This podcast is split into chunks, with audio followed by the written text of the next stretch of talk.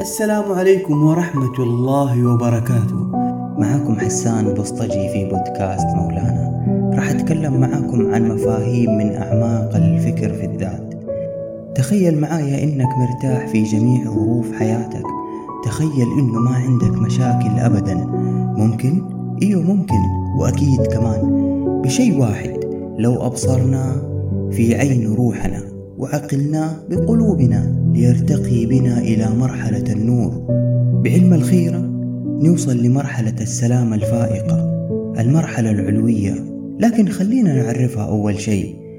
الخيرة هي الطريق إلى السلام النفسي والتصالح مع الذات. وأن تعلم أن كل ما يأتيك من الله خير لك. الخير الذي هو مناسب لك. والضر الذي في مضمونه نفع لك بصورة غير معلومة. ونوضح هذا أكثر عزيزي المستمع في مقولة ابن عطاء السكندري. ربما أعطاك فمنعك وربما منعك فأعطاك. ومتى فتح لك باب الفهم في المنع صار المنع عين العطاء. وأن الله يسخر لك الأرض ومن عليها حتى لو جهلت الكيفية.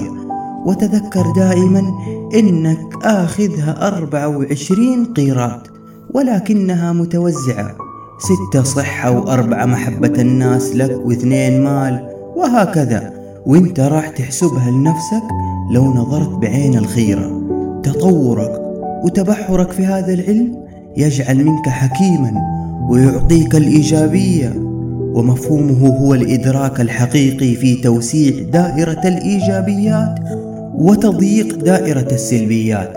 يبني عندك الأمل والأمل هو وقود الحياة. يخليك تشوف النصف المليء من الكون والجوانب الإيجابية من الموضوع. في أبعاد الشر ومدى الخير اللي عندك حتى ترى أن الخطط كثيرة وطرق الوصول عديدة. وتتجنب فكرة لو يعود بي الزمان أعمل ولو ترجع الأيام أفعل كذا. هذه الأفكار اللي تسحبك للوراء وعمرها ما تغنيك بشيء غير إنها تملي قلبك بالحسرات المؤذية والمهلكة. وعلى كلمة الأمل اللي ممكن تستمد من كل شيء وأينما كنت راح أذكر قصة جميلة. كان في قديم الأزمان في جزيرة صقلية ملكا كثيرا ما يصيبه الأرق فمن عادته أن يدعو ندمائه يحدثونه بالقصص والحكايات الجميلة حتى يغلب عليه النعاس فينام. وفي أحد الأيام أبى النوم أن يغالبه فجلس مع ندمائه كما يفعل دائما من عاداته ولكن لم يأته النعاس فخرج ليتمشى في حديقة قصره حتى انتهى به الطريق إلى الخروج منها.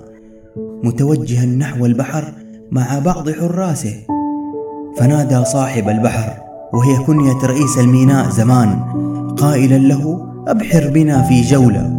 ركبوا جميعا في السفينة حتى بعدت عنهم الأضواء وفي وسط البحر ولا يوجد سوى الماء المحيط بهم من جميع الجهات.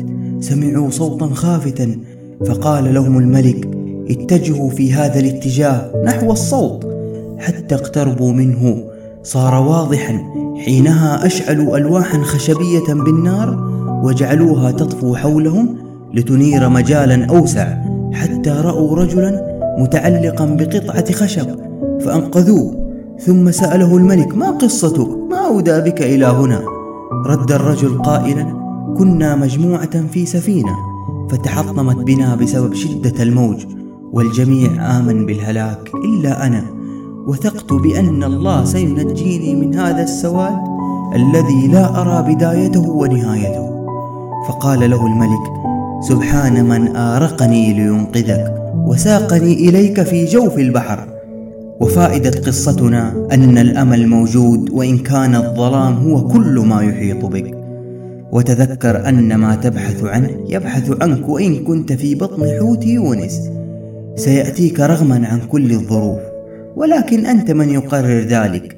كالسعادة لا أحد يستطيع أن يعلمك أو يعطيك إياها إن لم تقرر أنت في قرارة نفسك بأن تكون سعيدا.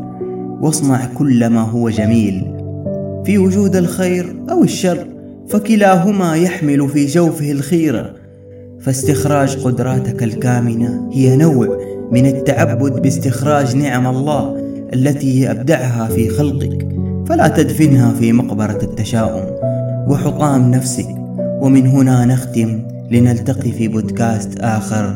أستودعتكم الله.